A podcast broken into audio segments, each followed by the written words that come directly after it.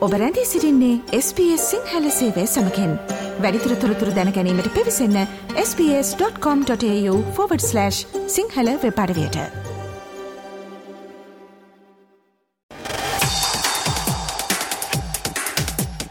ජයපරාජය මැදින් ගලා යන සබ්දින කෙලිබිමේ උණුසුම. SBS සිංහලකුවන් විදිලියේ සතියේ ක්‍රීඩා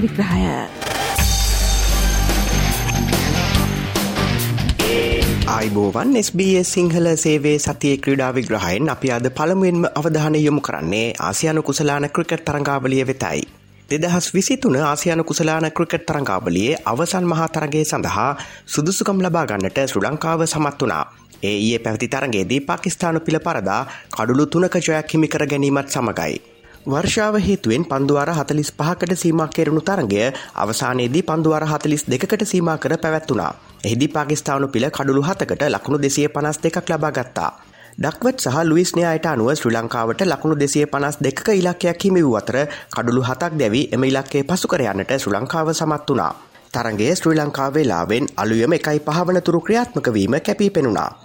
පාකිස්ානු ඉනිම වෙනුවෙන් මොහමද රිස්වාන් ලකුණු අසු හයක් ලබාගත් අතර පන්දු යැවීමේදී මතිශ පතිරණ කඩුළු තුනක් දවාගන්නට සමත් වනා. පිළිතුරු ලෙස ශ්‍ර ලංකා ඉනිම වෙනුවෙන් කුසල් මෙන්ඩිස් ලකුණු අනුව එකක් සහ චරිතසලංක නොදැවී ලකුණු හතලිස් නමයක් ලබාගත්තා. තරගේ අවසන් පන්දුවේදී ජයග්‍රහණය සඳහා ලකුණු දෙකක් ලබාගන්නට චරිතසලංක සමත් වනා. ඒ සමගින් ශ්‍රී ලංකා පිළ එකොළොස් වන වතාවට ආසියාන කුසලාන ක්‍රිකත් තරංගාවලියේ අවසන් මහාතරගේ සඳහා සුදුස්කම් ලබාගත්තා. තරංගාවලිය අවසන් මහා තරගේ එලබෙන ඉරිදා ශ්‍ර ලංකාව සහ ඉන්දියාව අතර පැවැත්වීමට නීමිතයි.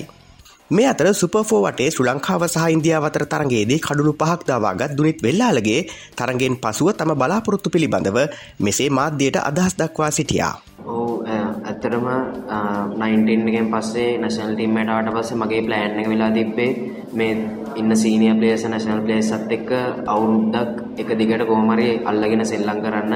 ඉතින් එතකොට ඒගොල්ලොන්ගේ හොඳ දේවල් අරගෙන ඒගොල්ලොන්ගේ මැච් සිටුේෂන් හල් කරන විදිය කෝචස්ලාගෙන් දේවල් අරගෙන මට මගේ මට මාව ඉම්ප්‍රූව් කරගන්න පුළුවන්.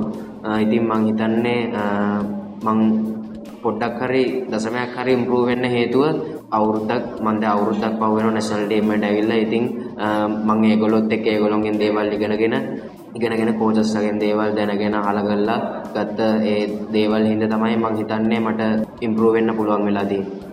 මේ අතර ශ්‍රී ලංකා පිළේ ආරම්භක පිතිකරු ලෙස කුසල් ජනිත් පෙරේරා හෝ දිමුත් කරුණාරත්න යන දෙදෙනගෙන් ඕනෑම කෙනෙකුට අවස්ථාව ඇති බව සහයක පුහුණුකරු නවින් නවස් මහතා පවසනවා. අපි දිමුත්ව ආදේශ කරේ කොලිෆයර්ස් වලට මං හිතන්නේ හිතන විදිහට තරගයක් දෙකක් ඔහු අසාර්ථක වුණා කියලා ඔහු ආයෙ එළියට දාන එක සුදුසු නෑ කියලා තමයි මං හිතන්නේ. නමුත් බෙන්ච් ස්ට්‍රෙන්ත් එක අපි හොඳට තියනවා කියලා දැන් පේනවා. මොකද කුසල් ජනිත් වගේ ක්‍රීඩකයෙක්ට කණ්ඩායම ඇතුළට එන්න අමාරුයි කියලා කියන්නේ ඉතින් එහෙම තියෙන එක මං හිතනවා ටීම් එකක් හැටියට ගත්තම අපිට ලොකු ඇඩ්වාන්ටේජ් එකක් කියලා. මොකද මොකද එතකොට කණ්ඩායම ඇතුළත ක්‍රීඩා කරන ක්‍රීඩකයින්ටත් ඒ ප්‍රෙෂර් එක තියෙනවා තමන්ගේ රෝල් එක හරියට සෙල්ලම් කරන්න. දැන් තියෙන තත්ත්වයේ ටීම් එකක් හැටියට අපිට හොඳයි. මොකද එතකොට හැමෝම තමන්ගේ බායක උස්ස ගන්නවා. මොකද දන්නවා මේ ටීම් එක ඇතුළේ රැඳිලා ඉන්න බෑ කියලා මොකද එළියෙන් තව අපිට හොඳ ක්‍රීඩකයෝ ඉන්නවා කියලා. වැඩිදුරටත් අදහස් දක්වමින් නවිඩ් නවාස් මහතා පවසන්නේ ලෝක කුසලාන තරඟාවලිය වන විට ධනංජය ද සිල්වා සහ දසුන් ශානක යන පිතිකරුවන් දෙදෙනා ලකුණු අතරට පැමිණීම ඉතා වැදගත් බවයි. මං හිතනවා අපිට විශ්වාසය තියෙනවා දසුනුයි ධනංජය දෙන්නම ඉක්මනින්ම ලකුණු අතරට එයි කියලා. දැන් අපි වර්ල්ඩ් කප් එකට ලං වෙනවා අපිට අවශ්‍යයි ඒ දෙන්නගෙන් ඒ කාර්ය ඉටු කරන්න. මොකද එතකොට අපේ බැටිං ඕඩර් එකේ පළවෙනියා ඉඳන් හත්වෙනියා වෙනකන් ඉන්න පිටිකරු දකුණු අතර ඉන්නවා කියන්නේ අපිට ඕනම තනතිරුවක ඕනම තීරණයක් ගන්න පුළුවන් ඒ කොන්ෆිඩන්ස් එකත් එක්ක.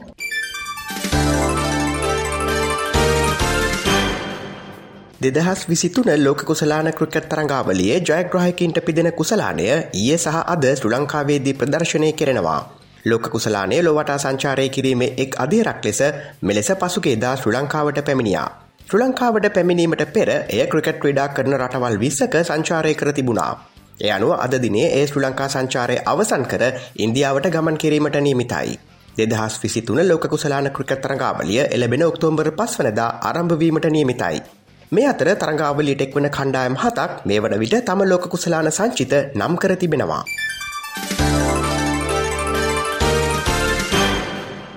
සංචාරක ශ්‍රී ලංකා කාන්තා ක්‍රිකට් කණ්ඩායම සහ එංගලන්ත කාන්තා ක්‍රිකට් කණ්ඩායම අතර පැවති තුන්වන සහ අවසන් එක්දින තරගෙන් ලකුණු එකසිය හැට එකක ජයක් හිමි කරගන්නට එංගලන්ත කාන්තා ක්‍රිකට් කණ්ඩායම සමත් වනා. එංගලන්ත කාන්තා ක්‍රිකට් කණ්ඩායම කඩුළු අටකට ලකුණු දෙසිය හැත්ත ඇතුනක් ලබාගත් අතර ශ්‍රී ලංකාව ලබාගත්තේ ලකුණු එකසිය දොළහක් පමණයි. එය අනුව තරඟ තුනකින් සමන්විත එක්දින තරංගාවලිය දෙකට බිඳුවක් ලෙස ජයගත්තේ එංගලන්ත කාන්තා ක්‍රිකට් කණ්ඩායමයි. දෙරට අතර පළමු එක්දින තරගෙන් එංගලන්තේ කඩුළු හතක ජයක් හිමි කරගත් අතර දෙවන තරගය වර්ෂාව හේතුවෙන් අත්හැර දැමුණා. මේ අතර ICC නවතම කාන්තා T20 පිතිකාරණියන් ශ්‍රේණිගත කිරීම්වල ශ්‍රී ලංකාවේ චමරයත පත් වූ තුන්වන ස්ථානයට පත්වී තිබෙනවා. එමෙන්ම T20 කණ්ඩායම් ශ්‍රණිගත කිරීම්වල ප්‍රථම ස්ථානය ඔස්ට්‍රලියාවට හිමිවී තිබෙනවා. එහි දෙවන ස්ථානයට එංගලන්තේ පත්වී සිටින අතර ශ්‍රී ලංකාවට හිමිවී තිබෙන්නේ අටවන ස්ථානයයි.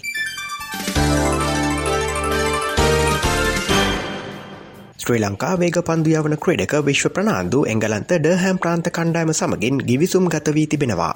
ඒඩහැම් ප්‍රාන්තය මෙම තරංගාවලිය සහභාගි වන අවසන් තරඟ දෙක සඳහායි. තිස්සෙක් ඇවරදි විශ්ව ප්‍රනාාන්දු මේ දක්වා ටෙස් තරඟ විස්සකදී ශ්‍ර ලංකාව නියෝජනය කර කඩුළු පණහක් දවාගෙන තිබෙනවා. ඩහැම් ප්‍රාන්ත කළමනාකාරිත්වය පවසන්නේ මේ මොහොතේ විශ්ව ප්‍රනාාන්දු වැනි අදකින් බහුල පන්දු යවන්නෙකු සම්බන්ධ කර ගැනීමට හැකිවීම පිළිබඳව අතිශයින්ම සතුටු වන බවයි.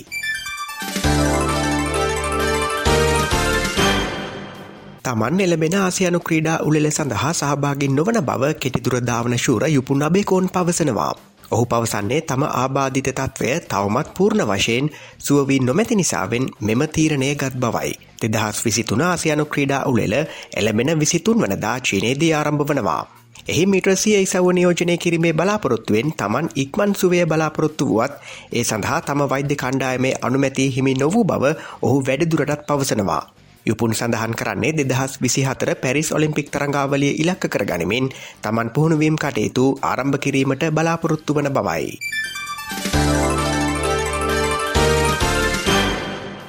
SBS සිංහල සේවේ සතිය ක්‍රඩා විග්‍රහයෙන් අපි දැන් අවධහන යොමු කරන්නේ ඔස්ට්‍රලයානු ක්‍රඩා පිටිය වෙතයි. සංචාරක ඔස්ට්‍රලයානු ක්‍රිකට් පිල සහ දකුණු අප්‍රිකා අතර පැවති තුන්වන එක්දින තරගෙන් ලකුණු එකසේ කොළහක ජයක් හිමි කරගන්නට දකුණු අප්‍රිකාව සමත් වනා. පළමුුව පන්දුර පහරදුන් දකුණු අප්‍රිකාව ලබාගත් ලකුණු තුන්සිය තිස් අට පිළිතුරු ලෙස ඔස්ට්‍රලියාව ලබාගත්තේ ලකුණු දෙසිය විසි හතක් පමණයි. එහිදි ලකුණු එකසිය දෙකක් ලබාගත් ඒඩන් මාක්‍රම් තරගේ වීරයා සම්මානය හිමිකරගත්තා. කෙසේ වෙතත් තරඟ පහකින් සමන්විත එක්දින තරගාවලිය දෙකට එකක් ලෙස මේ වන විට ඉදිරියෙන් සිටින්නේ ඔස්ට්‍රලියාවයි. පළමු එක්දින තරගෙන් ඔස්ට්‍රලියාව කඩුළු තුනක ජයක් හිමි කරගත් අතර දෙවන තරගෙන් ලකුණු එකසී විසි තුනක ජයක් හිමි කරගත්තා. තෙරට අතර සිව්වන එක්දින තරගය අද පැවැත්වීමට නියමිතයි. මේ අතර ක්‍රිකට් ක්‍රීඩක හිස් ආවරණය බෙල්ල ආවරණය කරන කොටස පැළඳීම අනිවාර කිරීමට ක්‍රිකට් ඔස්ට්‍රලියයා ආයතනය තීරණය කර තිබෙනවා. ඔවුන් පවසන්නේ ඔක්තෝම්බර් පලවනදා සිට මේ නීතිය දේශීය සහ ජාත්‍යන්තර තරඟවලදී සියලුම ඔස්ට්‍රලයානු ක්‍රඩකින්ට බල පැවැත්වෙන බවයි. දහවන ලෝකකුසලාන රක්බි තරංගාවලිය මේ දිනවල ප්‍රංශයේදී පැවැත්වෙනවා. පසුකිය අටවනදා ඇරමි තරංගාවලියේ අවසන් මහතරගේ පැවැත්වෙන්නේ ඔක්තෝම්බර් විසි අටවනදායි. රටවල් විසක් එක්වන මෙවර තරංගාවලියේ ඔස්ට්‍රලියාව තරඟ වදින්නේ සී කාණ්ඩෙන්. එම කාණ්ඩේට වේල්සය ෆීජී පෘතුගාලය සහ ජෝජියාව අයත්වනවා. එයනු ඔස්ට්‍රලියාව සහභාගි වූ පළමු තරගෙන් ජෝජියාව පරදා ලකුණු තිස් පහට පහලවක් ලෙස ට්‍රෑග්‍රහණය හිමිකරගන්නට සමත් වනා. ඔස්ට්‍රලියාව සහභාගි වන මීළඟ තරගය එලබෙන දාහත් වනදා ෆීජි කණ්ඩායම සමගින් පැවැත්වෙනවා. ඔස්ට්‍රලියාව සහ වේල්සය අතර තරගේ පැවැත්වෙන්නේ සැත්තැම්බර් විසි හතර වනදායි. ඔක්තොම්බර් පලවනදා ඔස්ට්‍රලියාව සහ පෘතුගාලය අතර තරගේ පැවැත්වීමට නියමිතයි. ඒ අනතුරුව තරංගාවලියේ අර්ධ අවසන් පූරුවටේ තරඟ ඔක්තෝම්බර් දාහතර වනදා ආරම්භ වනවා. ඒ සමගින් SBS සිංහල සේවේ සතිය ක්‍රඩාව ග්‍රහයෙන් අදට අපි සමුගන්නවා. හමුවමු ලබන සිකුරාදාත් සුපුරුදු වේලාවට. එතෙක් ප්‍රාර්ථනා කරනවා ට්‍රෑග්‍රාහි සතියක්. ජයපරාජය මැදින් ගලා යන සබ්දින කෙලිබිලේ උණුසුම. SBS සිංහලකුවන් විදිලියේ සතියේ ක්‍රීඩා විග්‍රහය.